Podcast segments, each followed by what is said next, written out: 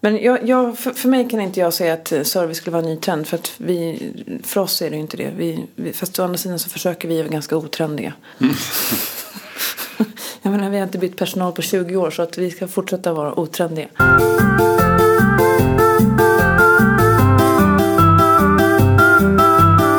Hej! Dags för en ny podd. Idag så träffar vi Anna Lallerstedt, dotter till Erik Lallerstedt.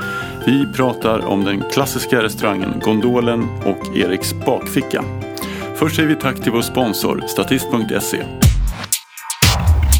Då säger jag välkommen till krogguiden Anna Lallerstedt. Tack så mycket. Dagsform, hur mår du? Eh, jag mår bra. Eh, ja, ja. Jag känner mig pigg och utvilad. Så bra. Ja, mm. Skönt att höra. Mm. Då skulle jag vilja att du berättar ett, ditt fullständiga namn, alla namn och eh, familj, ålder och yrke. Eh, jag heter Anna Lallerstedt. Jag har inga mellannamn eller andra namn. Eh, smeknamn som min pappa kallar mig är Myran. Eh, jag är snart 38 år. Jag är gift. Jag har en mamma, pappa och en lilla syster. Jag tänker mig familjen Lallerstedt som en enda stor matglad familj. Stämmer det? uh, ja. Uh, matlagande. uh, ja, riktigt så är det väl kanske inte. Men nästan. Har väl varit uh, mera matglada. Ja, jo, men vi, jo, vi är en ganska matglad familj. Vi tycker om att, att laga mat. Men framförallt så har det blivit med åren så att uppskattar vi också väldigt mycket mer att gå ut och äta. Det är ju så när man är, jobbar som vi gör hela familjen eh, så finns ju inte alltid riktigt tiden till att vara den här matglada familjen hemma. Men eh, det händer ju att vi lagar mycket mat tillsammans också. Har, har det alltid varit så i ert liv i hela familjen att, att har maten stått i fokus sedan lång tid tillbaks? Alltså när jag var liten det är många som tror att när man växer upp i restaurangfamilj så är det enda man gör är att äter piggvar oxfilé och hummer hela dagarna. Eh, så är det ju inte riktigt eh, ganska långt ifrån sant faktiskt. För att när jag var liten så jobbade ju båda mina föräldrar ehm, eh, kvällar väldigt mycket. Så det vi levde på det var ju liksom eh, ja, det som kanske blev över på krogen ibland. Men det var mycket blodpudding och fiskpinnar och fiskbullar som alla andra. Sen har man ju haft förmånen att med pappa kanske tagit hem saker som inte har gått åt på restaurangen som har kanske varit lite för kort datum och då har man ju fått äta extremt bra mat men det här med att man lever något glamoröst matliv när man är en restaurangfamilj det stämmer inte. Och framförallt så är ju vår familj älskar ju allt från McDonalds till pannkakor precis som vilken familj som helst. När liksom dök ditt första matminne upp? Alltså när Kommer, finns det någon ålder eller någon, någonting som du kan komma att tänka på? Ja, alltså första gången som jag... Det är lite svårt för jag har, ju med, alltså jag har ju varit med så länge. Jag har ju med alltså redan för två, tre år sprang, sprang på krogen. Eh, men första sådär riktiga minnen det var väl när pappa öppnade Eriks Gamla stan 1986 måste det ha varit. Och då fick vi liksom sitta, var vi på invigningen eller ja, någon av invigningsdagarna hela familjen och fick liksom äta igenom menyn som då lagades upp för in, inbjudna gäster. Och det kommer jag väldigt ihåg. Det var, tyckte jag var väldigt exklusivt. Liksom, en fin matsal och det var väldigt lyxigt och det var uppklädda tanter och farbröder som man inte då hade någon aning om vilka det var. Men sen när man förstod när man blev äldre att det var både Wallenbergare, Bonniers och Stenbeckar. Så mm. det är väl så här första riktiga som kändes superlyxigt och det var extremt coolt. Och då var jag 86, då var jag 9. Sen har jag väl den första, mitt första restaurangbesök utomlands som jag verkligen kommer ihåg. Det gjorde jag också med min pappa och det måste då ha varit, hur gammal kan jag ha varit då? 13, 14. Och då var vi på La Tour i Paris som då var trestjärnigt tror jag. Nu har de en stjärna. Och det var på våren och första sparrisen hade kommit. Eh, och jag var själv med pappa i Paris för han ville ta, ta, ta dit mig. Dels för att vi skulle göra någonting tillsammans och sen så var Pontus Fritiof var där och jobbade på La Copenhague så vi skulle åka och hälsa på honom också för Pontus är väldigt nära oss. Och då var vi på La Tour och då åt vi den första sparrisen och den sparrisen var liksom som pappa brukar säga tjocka som kvastskaft. Riktiga trippel A. Och det, det, det restaurangbesöket och det matminnet kommer jag aldrig glömma och inte min pappa heller faktiskt. Men det var nog också mycket kombination att man var 13-14, gjorde en resa med pappa själv. Fick sitta och ha utsikt över hela floden i Paris. Och så äta absolut den bästa sparrisen någonsin jag har ätit. Men kände du att du hade ett ganska vuxet sätt att njuta av mat för att vara 13-14 år? Eh, ja, kanske. Det, jag, det kan jag nog inte riktigt, det får du nog nästan fråga mina föräldrar om. Det kan inte jag svara på. Jag vet att när jag var liten så var jag väldigt petig och åt ingenting. Men det, det ändrades kanske. Men nej, jag skulle nog inte säga att det var så vuxet. Men du uppskattade god mat såklart? Ja, det har väl gått i vågor. Men ja, då, då gjorde jag uppenbarligen det. Mm. Du pratade om matsituationen i hemmet. Sådär. När mm. började, du, började du laga lite mat själv hemma? Eller, eller var det så att det blev tvärtom? Att det finns ju så många andra som lagar mat så varför ska jag laga någon? Ja, när jag, när jag, när jag bodde hemma eh, så lagade jag nog aldrig någon direkt mat. Men däremot så började jag ju alltså, baka mycket väldigt tidigt. Eh, jag gick ju upp i smyg på helgerna ibland och bakade eh, när mina föräldrar låg och sov. Men jag var för rädd för att sätta på ugnen och spisen så det blev mest bara en sörja av alltihopa. så bakintresset kom ju tidigt men matlagningsintresset har inte funnits på samma sätt. Så därför har jag ju aldrig riktigt, jag har ju aldrig utbildat mig till kock. Utan jag har ju jobbat med, mycket med desserter från början. Alltså baka. Men om man tittar idag liksom, är det, lagar du lite mat själv eller tycker du att det, det har det liksom förändrats just det här förhållningssättet till att laga mat personligen själv? Jag tycker att det är kul att laga mat. Alltså missförstå mig rätt, alla i min familj tycker att det är kul att laga mat. Det handlar väl mer om bristen på tid. Jag tycker det är jätteroligt att laga mat. Eh, men samtidigt så tycker jag också att när, man är, när jag är ledig, eller när man har den möjligheten, eh, så går jag ju också gärna ut och äter. Jag tycker det är jättekul de kvällar man är ledig att också gå ut och gå på andra restauranger och se vad alla andra gör. Och det, det är ganska skönt när man jobbar så pass på det sättet som vi jobbar, eller jag jobbar. Att liksom slippa också laga mat och ja, se vad kollegorna i branschen gör. Hur många år har du varit operativt ansvarig skulle man kunna säga på Gondolen? Um, nu är det ju Gondolen och Eriks bakficka på Östermalm. Det är ju två restauranger då. Mm. Uh, ja du. Men om man bara tänker så här i stort, när liksom kände du att nu är jag liksom nu? Alltså det har ju växt fram, det har ju liksom växt fram lite successivt ungefär sedan um, 2008, 2009 något sånt där. Men sen har jag ju, jag har ju varit, varit med i företaget har jag ju varit sedan jag föddes men att varit aktiv i företaget sedan eh, millennieskiftet ungefär. Eh, så man kan prata 15 år känner ja. ja. Men å andra ja, det var en, jo men skulle jag säga att jag vi, blev väl invald, alltså jag gick med i styrelsen och ledningsgrupp och sånt där 99-2000. Men sen, jag menar, jag började ju jobba som smörgåsnisse och diskare och garderobiär när jag var 13 så att hos pappa så jag kan inte riktigt, det är ganska många år. Men när du var sådär ung och liksom nosade på, på, på de här olika yrkena som du sökade mm. och så vidare. Var det lite, kände du så att jag kommer nog fastna här i restaurangvärlden eller kände du att nej, jag, ja, hur, hur, hur tänkte du? Nej, då tänkte jag nog inte det. Och när jag gick i gymnasiet så tänkte jag nog inte det heller. Och efter gymnasiet så var jag extremt skoltrött och visste inte riktigt ut eller in vad jag skulle och inte skulle göra. Då började jag jobba igen, eller började jag jobba hos pappa. För att det var ju liksom inte, fanns ju inte på kartan att man inte jobbade. Man fick inte bara gå hem och dra. Och det, det är helt rätt. Och sen så någonstans så blev det ju att jag halkade in på den banan. Det kändes ju extremt naturligt. Men det har aldrig funnits någon liksom utstakad plan att det var det här jag skulle göra. Varken från min sida eller från pappas sida heller. Utan det har liksom, det har blivit så. Och jag tror att det har med att göra att, eh, jag menar att vi har levt, hela familjen har levt med, levt med restaurangerna hela tiden. Jämt. Mm. Så det, det, det, blev, det blev så naturligt. Sen så var det ju ganska, var det ett par år eh, som jag, som jag gjorde andra saker också, dock inom, eh, eller inom konditoribageri eh, innan jag kom tillbaka till pappa. Mm. Och, det, och det är jag också jätteglad över att jag har gjort någonting annat så att jag inte bara har varit eh, i vårt företag utan jag har varit ute också och gjort andra saker. Jag läste någon eh, rubrik här som du dementerade sen men det står så här din pappa grät när du ville ta över. sen sa du att det var inte riktigt sant. Nej, det, nu är det, det, det är ju någonting som han själv hävdar att han gjorde.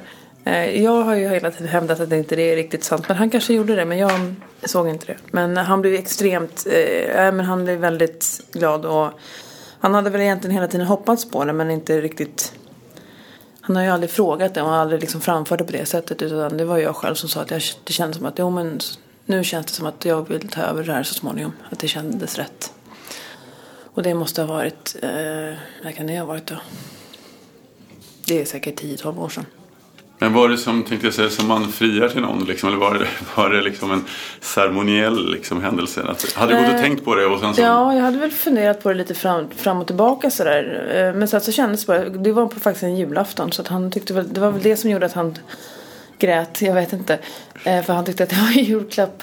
Eh, nej, det var inget ceremoniellt. Jag, jag sa bara att det, just då så kändes det att nej, men det känns som att jag trivs så bra med det här och det här känns så jäkla rätt och det är det här jag vill göra. Jag kan inte tänka mig någonting annat.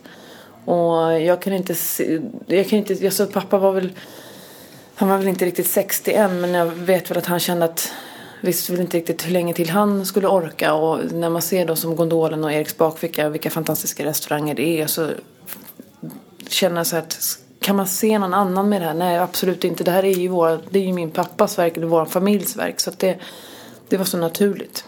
Så att det, det, det har liksom bara växt fram från min, eget, från min egen sida. Eh, sen så har jag ju, sen efterhand har jag förstått att pappa hela tiden har velat det. Men han har ju aldrig velat sätta någon press. Och velat pressa mig att göra saker som jag själv inte har velat. Så han har ju aldrig nämnt det. Jag, jag tänker så här eh, på julafton. Alltså var det som så när du, när du berättade att du gärna tar över. Hade du några, liksom, några förbehåll? Liksom, så att jag tar gärna över men jag skulle väldigt gärna vilja få göra så här. Eller hade du Nej, någon... det hade jag nog inte. Eh, det var ganska förutsättningslöst och det har hela tiden varit rätt förutsättningslöst. Det har tagit lite, alltså det, det, det, har tagit ett par år. Det var inte bara så att vi en dag bestämde så nu så stänger du ditt kontor och så tar jag över. Utan det har ju liksom fått växa fram. Eh, och det är väl två eller, två eller tre år sedan som han avgick som styrelseordförande och jag tog över den posten. Ehm, så att då blev väl egentligen det, det, det slutgiltiga ska vi inte säga. För han är ju fortfarande kvar i företaget och det kommer han ju vara för alltid. Ehm, men det, det, har ju liksom växt, det har växt fram under en längre tid. Och det tror jag att vi har behövt båda två. Men det är inte så att du känner att åh vad kul det skulle vara att göra, dela upp det i tre avdelningar eller åh vad kul det skulle vara att öppna upp på ja, men hitta på något nytt. Är, är, det, är det så? Eller känner du att det roliga är att få det så bra som möjligt utifrån? Jag har ju, som det är just nu och som det har varit de senaste åren har jag ju inte haft den ambitionen att vilja öppna någon ny restaurang för att eh, vi är eh, Gondolen är relativt stort och Eriks bakficka är inte fullt lika stort men vi är en bra bit över hundra anställda och det är mycket jobb. Sen ser jag ju att det finns ju Eh, förhoppningsvis kommer jag ha otroliga möjligheter i med Slussen-ombyggnationen. Och det har jag alltid haft som mål att få vara delaktig i det och se hur vi kan få vara med nu när det händer mycket nytt där. Att vi kan kanske expandera eller göra om vissa delar av vår verksamhet i det som är det som finns runt omkring Slussen. Sen så ser jag ju väldigt mycket att som vi jobbar väldigt mycket med nu eh, är ju att försöka höja statusen för restaurangyrket. Restaurangyrket har ju tyvärr ett litet, lite dåligt rykte. Där vill jag ju också sätta avstamp eller eh, prägel och eh, se, se, till att restaurangbranschen blir en ren, schysst, bra bransch eh, som folk kan se en framtid i. Inte bara som en transportsträcka mellan, mellan jobben eller mm, samt medan man pluggar eller vad som helst. Det är ju sånt som jag brinner extremt mycket för att göra restaurang till verkligen en seriös bransch som folk ser som en framtid.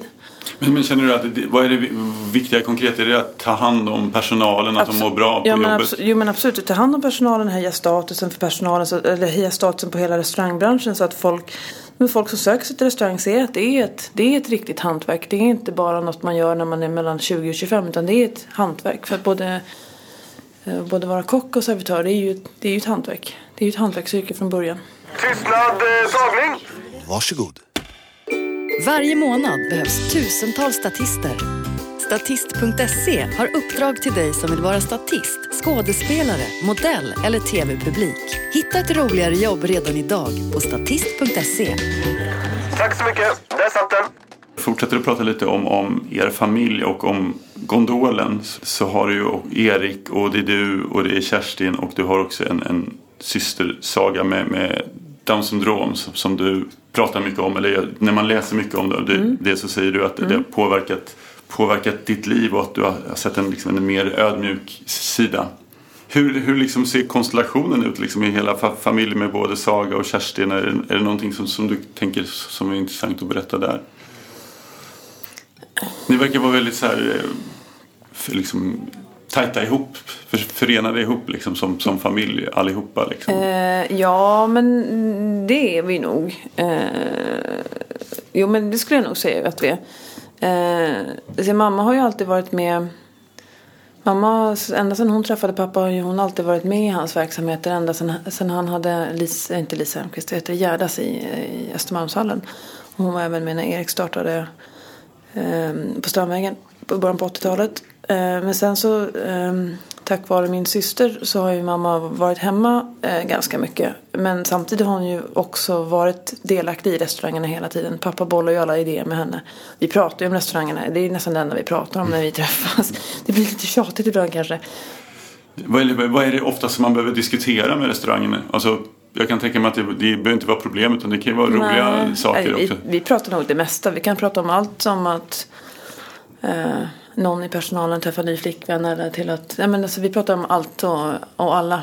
Eh, och vad som händer och vi behöver, behöver måla om en vägg där kan vi sitta och diskutera vem ska vi fråga, vilken färg ska vi göra. Alltså det, vi, är väldigt, vi är ju väldigt, eh, vi är ju väldigt med det, detaljnivå hela, allihopa. Eh, Många tycker, kan nog uppleva det som ibland att vi har någon form av kontrollbehov men så är det ju inte. Det handlar ju mer om att vi vill ju att det ska vara vårt. Alltså det ska ju vara vår prägel. Och det får man inte om man inte är så pass involverade som vi är och går på så detaljnivå som vi gör. Det finns ju liksom ingenting som riktigt undgår någon av oss. Man har ju liksom stenkoll på allt. Det kan gå flera dagar utan att jag har varit på gondolen för att jag har varit på bakfickan eller vice versa. Men man har koll på allt i alla fall. För att det är så vi är liksom. Om man backar lite här, alltså hur startades gondolen egentligen? Kan du berätta storyn bakom det? 94. Ja, det, var- det var ju alltså, hur, hur gammal var jag då? 17. Det var ju, jag gick med gymnasiet. Jag tror inte att jag så reflekterade så himla mycket när, när pappa tog över gondolen. Jag var ju själv liksom tonåring då. Eh, jag kommer ihåg att första gången jag var där uppe när de höll på att renovera ute själva, alltså höll på med bron. Det som kallas gondolen. Eh, och man liksom ser ner och jag känner så här, jag kommer aldrig hela mitt liv sätta min fot på den här bron. Alltså det är så läskigt och den kommer ju typ knäckas och gå sönder. Det- Jag känner så här, nej det här går inte. Men nu så tänker man ju inte ens på det. Jag har inte jättemycket, jag har inte sådär jättemycket, just 94. Eh, då är man ju så här mitt i mellanåldern när man var tonåring att man inte riktigt brydde sig alltid vad föräldrarna gjorde. De var ju mest bara jobbiga. Jag förstår det. Vi pratade ju bara lite snabbt här om din lilla syster Saga. Eh, jag läste en intervju här i Svenska Dagbladet och du pratade, alltså, har det liksom format dig alltså, som företagsledare? Känner du liksom att, att det har påverkat dig? Ja, eh, jag skulle nog säga att ja, det har det. Eh, och, eh, jag tror inte bara att det har format mig som företagsledare. Jag tror att det har format mig väldigt mycket som person överhuvudtaget. Eh, när man växer upp med någon som har Downs syndrom, särskilt då eftersom hon, vi båda två är födda på 70-talet och det var inte lika ju, av, nu för tiden är det ju ingen som bryr sig om någon eh, ser annorlunda ut. Det, är så det, men på, på 80-talet var det ju väldigt annorlunda. Eh, det var ju mycket mer folk som kunde stanna och stirra liksom. Men Då, man bygger ju upp ett... Ja, alltså jag, i och med att man alltid har tagit hand om henne och alltid, man blir ju, man blir ju väldigt mycket, man blir vuxen väldigt mycket snabbare när man har en, ett syskon som har ett funktionshinder som hela tiden behöver hjälp på ett helt annat sätt.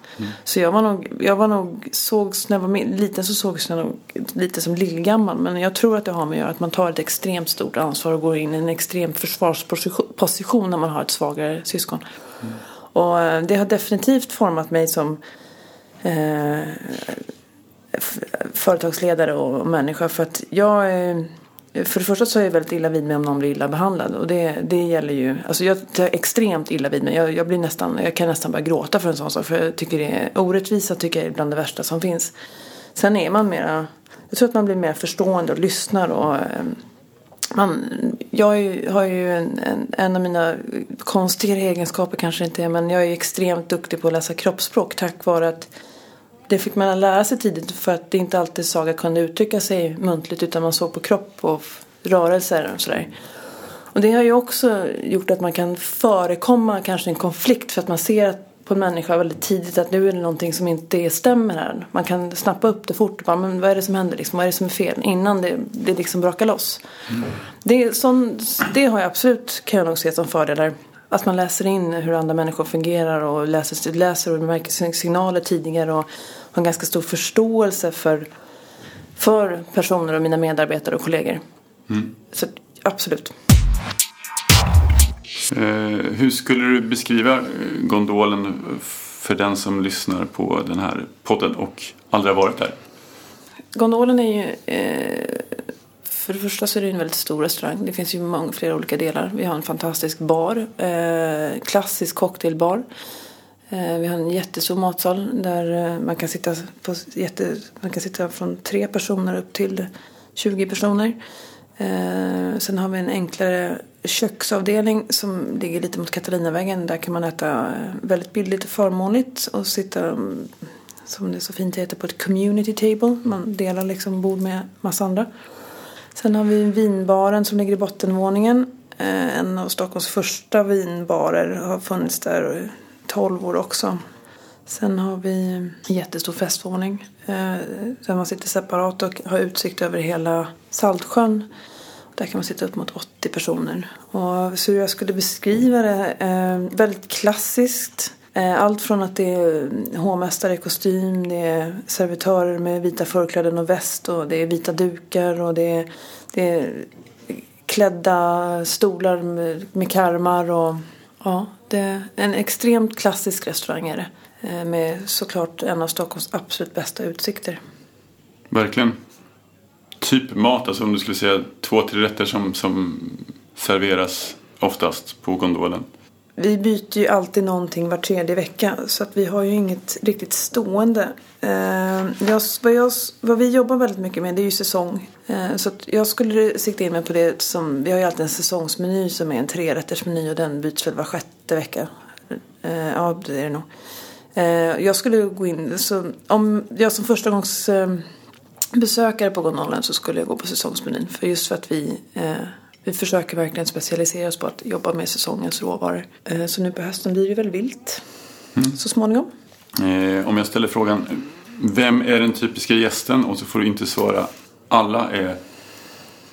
Alla, det brukar många svara, men, men om du ska välja någon typisk gäst, skulle du kunna hitta någon? Åh, det är ju jättesvårt. Eh, för på gondolen har vi verkligen alla. Eh, mm, jag, typiska gästen är jättesvårt att säga. Men de gästerna som jag tycker är helt fantastiska. Det är ju de som kommer från eh, de äldre. Eh, och då pratar vi alltså någonstans mellan 70 och 85 som kommer sent på luncherna sådär där vid halv två. Som har åkt. De kommer ofta från Nacka Värmdö. Åker bussen in. Så träffas de, kanske tio tanter. Äter lunch. Dricker ett glas vin. Och sen åker de hem och tar de Nacka Värmdö-bussen hem igen. Det är kanske inte är den typiska gästen men det är, fantastiska gäster. Alla gäster är fantastiska men de är, det är helt... Vi har, vi har nästan en helt annan typ av restaurang. Första lunchsittningen är liksom de vanliga lunchgästerna, de som jobbar. Och sen så kommer liksom andra sittningen. Då kommer väldigt, väldigt mycket äldre som åker in till stan och klär upp sig och gör sig jättefina för att äta lunch på gondolen. Eh, mid- middagarna då? eh, Skulle du säga att ni har liksom rätt mycket businessgäster eller, eller är det blandat? Eller Det vad? är väldigt blandat. I början av veckan så är det mer business. Sen mot helgen, slutet av veckan så är det ju det är ju väldigt många som kommer till gondolen för att fira någonting. Och eh, det är allt från att man firar bröllopsdag eller firar att de, har varit gift i stadshuset eller ibland de till och med gift hos oss. Eh, förlovningar, alltså det är väldigt, väldigt många som kommer till oss för att fira saker. Och sen är det väldigt många som kommer till oss för att gå på sin första dejt. Vi, blev vi fick till och med utmärkelsen av Match.com innan, nu i somras att vi var det dej, första, dejtet, första bästa dejtstället enligt deras, klient, enligt deras kunder. Okej, Så kul. för, första dejten är väldigt populär på gondolen. Spännande. Mm. Det kan vara roligt när man är där också se- att det liksom är många nervösa träffar. Tycker du, liksom du har sagt tidigare att, det var lite, eh, att du kunde ha en viss prestationsångest och att det var lite kravfyllt liksom, med, det här varumärket som är kopplat till din pappa. Mm. Har du släppt det liksom nu eller känner du fortfarande att det, det är någonting som, som du måste leva upp till? Eller Eh, jag, tror, alltså jag, jag tror att man växer in i det ju äldre man blir. Eh, jag, jag kan ju liksom känna själv att man blir, trygg, man blir ju tryggare och mera klok och erfaren Eh, såklart. Ehm, jag känner inte alls, självklart har jag ställt extremt höga krav och har en prestationsångest hela tiden, konstant. Och det är ju så när man ska leva upp eh, till någonting som är väldigt stort, som faktiskt min, min pappa är. Men eh, jag tror det, har, det har blivit mycket, mycket bättre med åren. Jag känner mig mycket lugnare och mycket tryggare med mig själv och med, med hela den biten. Um, så att det har definitivt blivit mycket bättre. Och sen får man ju tänka att för ja, 2008, 2009, det är ju 7-8 år sedan, då var jag lite dryga 30. Och nu börjar jag ju närma mig 40 så att det, det är ju mycket som händer på de åren. Um, och tyvärr måste jag ju säga att man som tjej, nu kan jag ju inte prata för hur det är som kille men nu kan jag bara prata för hur det är för mig själv. Att man blir, inte av alla men av en del så blir man lite mer och mer accepterad ju äldre man blir när man är tjej. Man blir mer och mer tagen på allvar ju äldre man blir. Tyvärr. Inte av alla men det händer av en del. Mm. Var det ett problem tidigare tyckte du? När du var det för att du var ung eller var det för att du var tjej? Alltså det här med tjej ja, det här med tjej tycker jag nog inte egentligen har varit ett jätteproblem. Jag tror att det andra har nog större problem med det än vad jag själv har. Men jag tyckte att det var så jäkla skönt att fylla 30 för då var man liksom, då var man någon som var 30. När man var i 20-årsåldern mm. så var man liksom bara någon eh, så att åldern har nog varit större, större problem än, än könet. Så jag brukar inte fokusera särskilt mycket på könet. Jag, jag tycker inte att det är relevant. Men jag vet att många runt omkring tror att det är ett problem. Jag får ofta den frågan och du måste ha det så jobbigt som en ganska ensam tjej i en sån sits som du har. Men jag tror att det är många andra som har problem med det. Jag har inte det. Jag vet att när vi pratade med Frida Ronge, som är duktig kock från Göteborg. Mm. Hon, var, hon sa hon är så trött på att prata jämställdhetsfrågor. Mm. För hon sa att det har varit så mycket fokus på det. Tramsigt. Alltså det är jättetjatigt. Uh, jag, jag, tycker inte... Jag, jag tycker liksom inte heller att det finns en anledning att prata om det. Och det är många som frågar mig, och det måste vara så tufft som tjej i sån tuff bransch. Och... Det kanske det är. Jag upplever det inte som det. Jag tror inte att Frida gör det heller. Jag, jag känner inte Frida. Um, men jag får det intrycket av att hon inte heller bryr sig så mycket om det. Jag tror att det är när man börjar bry sig om det som det blir ett problem. Sen har jag ju, liksom, eftersom jag har varit i restaurang ända sedan jag föddes så har jag ju alltid sett hur restaurang är. Men jag tycker inte heller att man ska hålla på. Eh, för min del behöver jag inte eh, lägga så mycket fokus på jämställdhetsfrågor. Det finns ju lite så här produkter vid sidan om restaurangen. Man, till exempel det här Erik, Erik Lallerstedts såser och så vidare. Är det någonting som intresserar dig eller är det bara någonting som finns? Eller vad, hur tänker du? Jag har ju inte med de där eh, såserna att göra överhuvudtaget utan det är ju ett samarbete som min pappa, ett företag som han var med och startade eh, för x antal år sedan. Det som är med de såserna det är ju faktiskt att det är han som tar fram alla produkter. Han står ju hemma och provar fram varenda grej. Så att han är ju inte bara ett namn på burken utan det är ju han som också har gjort dem. Ehm, sen är det ju också, här, blir, här är det väldigt många som tror att det blir, det blir lite fel för det är väldigt många som tror att det är alltså Gondolen och Eriks restauranger och Eriks såser är samma. Men det är det ju inte utan det är ju, det är ju fortfarande pappa på båda men det är ju två helt separata företag. Mm. Eh, jag ser inte eh, Alltså jag behöver göra några produkter på det sättet. Däremot så har vi ju redan och vi har haft länge också. Vi har en egen champagne och vi har en egen akvavit. Som säljs på våra restauranger och som finns på beställningssortimentet på Systembolaget. Eh, och, så, och alltså, sådana saker kan, eh, som, som, som kan säljas på restaurangen. Det kan jag ju se att man kan vara med och ta fram och göra. Men det gör ju, gör ju väldigt många. Man har mm. sin huschampagne, man har sin hus, sitt husvin och sånt där. Mm. Men utöver det så ser jag inte riktigt att jag vill fokusera på restaurangerna och på vad vi kan sälja där. Och inte vad jag kan sälja på ICA. Utan det, det är mitt fokus. Men pappa är ju jätte, äh, tycker det är jättekul med, med såserna. Mm. Så han är ju jätteglad och nöjd med det. Det kommer ingen Annas bea? Nej, det kommer ingen Annas bea. det kommer ingen Annas bea.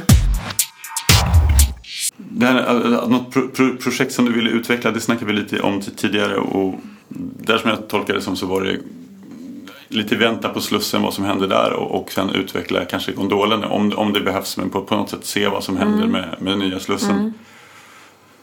Förstod jag det rätt där? Visst, var det så? Ja, absolut. Jag, jag ser ju att ehm, det är ju lite svårt att hänga med i svängarna vad som händer vid Slussen eftersom det aldrig händer någonting. Men eh, vi har ju haft li, lite dialoger med fastighets, våra fastighetsägare och lite sånt där. Att det finns, eh, det finns potential. Och jag, jag ser ju att eh, Gondolen är en restaurang som jag tycker alltid ska finnas. För det är ett, ett landmärke i Stockholm och det är en av det är en av de få klassiska restauranger som finns kvar. Jag brukar säga att jag tycker att det är Operakällaren, Gondolen, Grand Hotel. Eh, som är verkligen är de här genuina klassiska. Och det, det, bör, för, det bör se ut så, tycker jag. Och så länge jag håller på med det här, vilket kommer vara länge till, så kommer ju gondolen i allra högsta grad, för, eller i allra högsta mån, se ut som det gör. Men det finns absolut förhoppningsvis potential att göra mera saker i och med ombyggnationer och vad som händer. Och... Men det får man ju se. Det är ju ingen som riktigt vet någonting när någonting ska börja eller när någonting ska vara klart. Men, men känner du någon sorts, eh, om man, om man tänker sig motsatsen då till, till om, om ni är en klassisk, eh, lite mer konservativ restaurang, kan du känna att du har någon att det skulle vara kul kanske att ha någon del som, som fick leva ett, ett annorlunda liv liksom med någon tokighet eller liksom mindre det här klassiska eller är det någonting som, som verkar roligt eller, eller är det inte alls någonting som du förstår du? Mm, ja, jag förstår. Um, alltså jag, är nog, jag är nog mera till det klassiska. Ehm, och jag är nog mera till att utveckla saker i den klassiska tappningen eh, som vi redan är. Ehm, så att eh, det kanske är för att jag är feg, jag vet inte. Men jag är inte så wild and crazy. Men vem vet, alltså det, man kan ju ändra sig. Men eh, som de, de idéer, tankar och planer jag har nu så är det ju eh, en fortsättning på det klassiska. När jag pratade med killarna på, på Punk Royal, superpoppis krog här på Söder, så sa de att de tyckte att, eller de, de spådde att service kommer bli den nya trenden. Håller du med?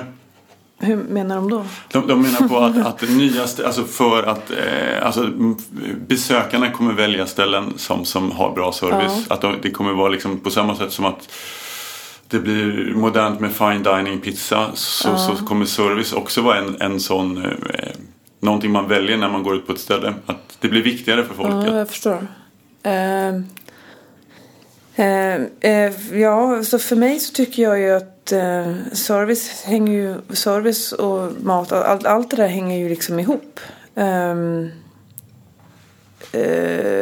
jag alltså förutsätter om jag går på en bra restaurang att jag ska få bra service. Om jag går på ett ställe som har dålig, service och dålig mat man ju inte tillbaka. Så att jag, Ni har ju ganska, eller ni, ni är kända för att ha väldigt bra Ja. service så det kanske är en, kon- Ja, alltså en så, svår... för mig, så för mig kan inte jag se att det är riktigt någon sådär att det skulle vara en, att det skulle bli en ny trend. Att service är en ny trend. För det tycker jag verkar lite märkligt. För att vi har ju alltid jobbat väldigt mycket med service, väldigt mycket med matsalsarbete.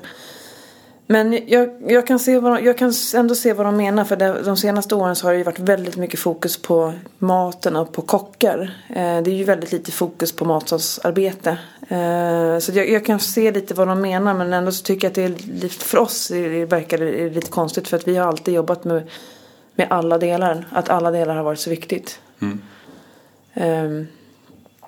så, Men, men jag kan hålla med om för att det, oftast när man går på krogen eh, på, på, på, speciellt på kanske lite nystartade ställen så, så, är, så kan det ju vara lite random om man får bra Mm. service. Ena dagen så fick man jättebra service, nästa dag så var det lite sådär inte lika bra. Nej. Personalen har liksom inte fått en utbildning vilket de nej.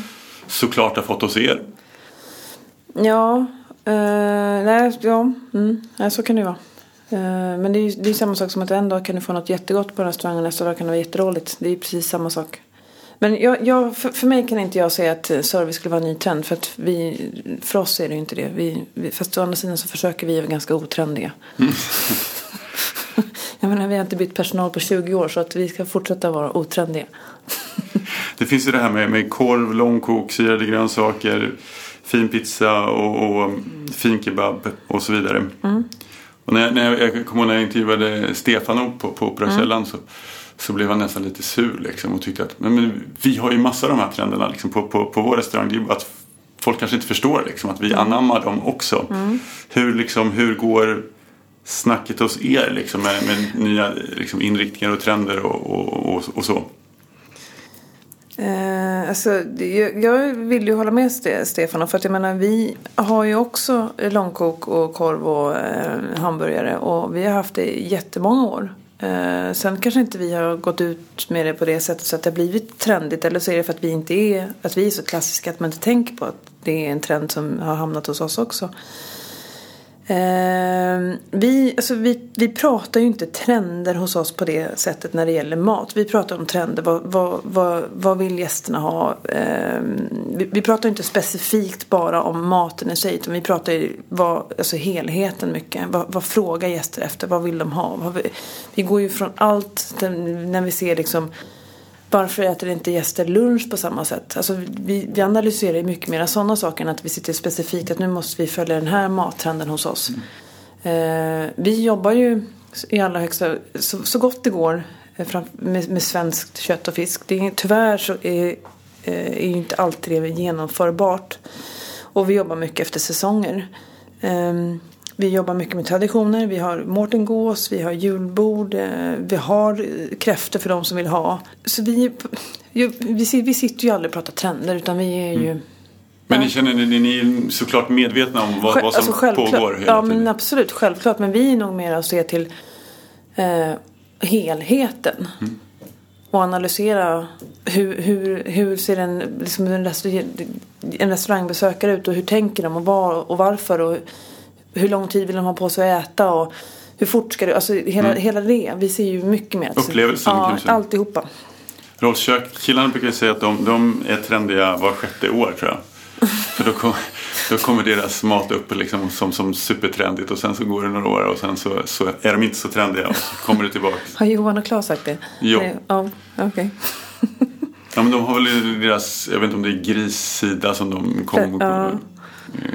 Väldigt tidigt, tidigt med och så blev det väldigt så här, poppis och sen så så gjorde, alla, så gjorde alla andra restauranger det också, eller många andra liksom. Men Johan och Claes som är så trendiga och häftiga. Ja. Ja men de, de, de säger väl AG kanske liksom får, får Ro- Rolf, har ju blivit, Rolf Kök har liksom blivit trendigt i att de kanske inte är så trendiga. Eller så är de Ja, trendiga. det, det är svårt. ja, men, men så kan det mycket väl vara. Jag tror, jag tror inte att man behöver vara så trendig. Nej, jag håller med. Jag tror att man kan bara laga god mat och ha trevlig servispersonal och en rätt okej vinlista.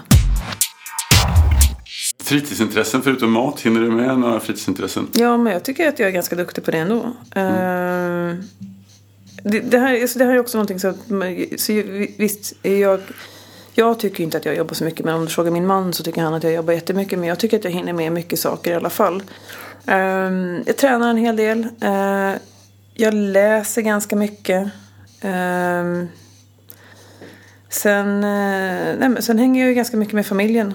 Och hundar och sådär. Ja, Mm, för vanliga saker. Men jag har inget renodlat fritid- fritidsintresse. Jag spelar lite golf på sommaren när jag är ledig. Men det är ju ingenting som jag gör sen resten av året. Har du någon, någon så favoritkock eller någon som du är intresserad av förutom din far? Alltså det är ju så många. Jag tycker ju om dem så mycket. Eh, jag, eh, jag säger nog Mattias Dahlgren. Många gör det. vad, är det vad är det som är så Eh, magiskt med Mattias? Mattias är ju... eh, Jag tycker ju att Matbaren är en av Stockholms absolut bästa restauranger. Sen är Mattias en så otroligt härlig människa. Han är passionerad och älskar verkligen det han gör. Och eh, han är så, så oerhört snäll och omtänksam. Och eh, han är bara så fantastisk som person. Jag tycker att han är... Nu har jag ju inte jobbat med honom så jag vet ju inte hur han är att jobba med. Han kanske inte alls är... Han kanske är jätte... Men eh, Mattias absolut alla gånger. Du, du pratade om att ni ofta går ut och äter på restaurang och tyckte om det. Skulle du kunna liksom berätta några tre, fyra ställen som, som du tycker är värda att besöka? Man, man blir alltid, när man lyssnar på podden så brukar man alltid bli nyfiken på dem vi intervjuar, var de tar vägen någonstans. Eh, vi, går, vi bor ju på Kungsholmen så vi går ganska mycket på det som ligger runt omkring oss. Eh, men om jag ska rekommendera, så någonting som vi var på faktiskt förra veckan eh, var ju eh, nya Omakase köttslöjden. Eh, så i Lejontornet-huset. Eh, och det tyckte jag var riktigt, riktigt bra. Men Berätta lite om, om köttslöjden. Alltså, man förstår att det är mycket kött såklart. Vad, vad, Ja. vad är konceptet? Ja, eh, ja alltså det, man kan säga att det är japanskt, eh, japansk inspirerat med svenska råvaror. Eh, fokus på kött. Eh, det är ju inte så att det är en massa stora blodiga biffar utan det är ju mer eller mindre bara kall, alltså mycket kallskur. Utan jag gör allting själva. Det var eh, allt från bäver till kossa. Och, ja, det var, jag, jag var extremt nervös innan vi skulle dit för jag hade blivit så uppskrämd att det skulle vara 18-20 serveringar kött. Och jag kände att shit, det här kommer jag aldrig klara. Men det är väldigt ren, ren och bra mat och det, det var riktigt, riktigt, riktigt bra. Sen är ju, tycker jag ju Sturehov är ju, det är ju en sån här favorit som man bara älskar. Alltså, jag kan, när, som i somras när man, man bodde på landet så var jag så här, gud jag längtar inte till stan bara för att gå på Sturehov. Men vad är det som är så magiskt? Vi har, vi har pratat med Ola här som är kökschef eh, på Sturehov och all, jag tror alla som står här älskar ju Sturehov. Ja. Så det måste ju vara något. Jag vet inte heller, jag vet inte vad det är. Det, ja, men det, det finns alltid någonting där. Alltså, oavsett om man är jättehungrig eller inte hungrig så finns det alltid någonting och det räcker. Nej, men jag vet inte, det är bara bra. Och, um, Man kan antingen sitta i mellanbaren och äta om det finns plats eller så kan man sitta där det är vita dukar. Eller så kan man, alltså det, det är egentligen lite, det är som gondolen också. Det finns olika avdelningar beroende på hur man, vill ha det. Men det är alltid, jag vet inte, det, det, är bra. Mm. Nej, men det, jag har förstått, jag tycker själv om, Det om liksom, Sturehov. ja. Eh, nå, något mer, nu har vi ett sista tips. Ja, men matbaren då såklart. Mattias Dahlgren. Ja, precis. Mm. Vad, alltså, vad, vad ska du säga, vad, vad är viktigast för dig när du går ut på krogen? Eh, det är helheten skulle jag säga. Ehm, alltså för, mig, är det- för mig är det, eftersom jag har ett oerhört vinintresse och själv jobbar matsal sådär. Så är ju egentligen, alltså det finns en bra, alltså en bra okej okay, prissatt vinlista. Den behöver inte vara, jätte, det behöver inte vara någon jättestor, det behöver inte vara som på Operakällan. Och att det finns liksom bra mat som är vällagad. Eh, det, det tycker jag nästan är det viktigaste. Jag ska av- avsluta det här med att fråga dig. Har du någon person som du tycker vi ska intervjua i en kommande podd? Vem är du nyfiken på i så fall? Eh, vilka tjejer har du haft här? Är det bara Frida eller? Sally Voltaire Ja. och så har vi pratat med Anna Bauer på Broms. Och Frida Ronge. Eh, precis, precis. Och sen, sen så tror jag inte det är så många mer. Det, Ja men då så tycker jag att ni ska eh, bjuda hit Malin Söderström. ja, men det har vi funderat på. Det är väl en jättebra idé. Ja. Då ska vi göra det. Och då ska man väl säga att hon har ju Moderna Museet Ja. och sen har hon sin uteservering där också. Ja, vad på, är hjärta ja. Ja, hjärta, precis. Ja, Då tycker jag att ni ska ta hit Malin Söderström. Då säger jag jättemycket tack för att du kom hit till tack. Krogguiden. Tack själv. Tystnad, eh, tagning! Varsågod. Varje månad behövs tusentals statister. Statist.se har uppdrag till dig som vill vara statist, skådespelare, modell eller tv-publik. Hitta ett roligare jobb redan idag på statist.se. Tack så mycket. Där satt den.